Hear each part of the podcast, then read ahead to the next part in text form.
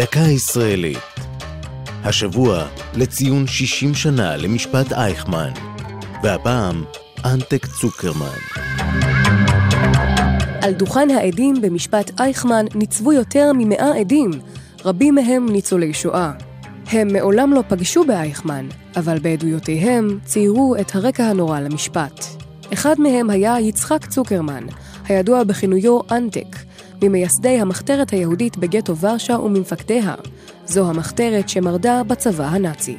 עוד בטרם פרץ המרד, קרא לציבור לגלות התנגדות לשילוח מהגטו. עם ההחלטה על הקמת המחתרת החמושה, ארגון יהודי לוחם, מונה צוקרמן לסגנו של המפקד, מרדכי אנילביץ'. במשפט אייכמן קרא צוקרמן את המכתב האחרון שכתב לו אנילביץ' בעת הלחימה במרד גטו ורשה. 23 באפריל 1943 שלום יצחק, איני יודע על מה לכתוב לך.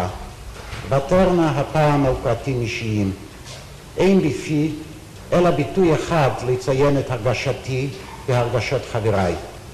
נפל דבר שהוא למעלה מחלומותינו הנועזים ביותר. אנטק צוקרמן היה ממקימי קיבוץ לוחמי הגטאות ומיוזמי המוזיאון בית לוחמי הגטאות להנצחת השואה, הגבורה והמרד.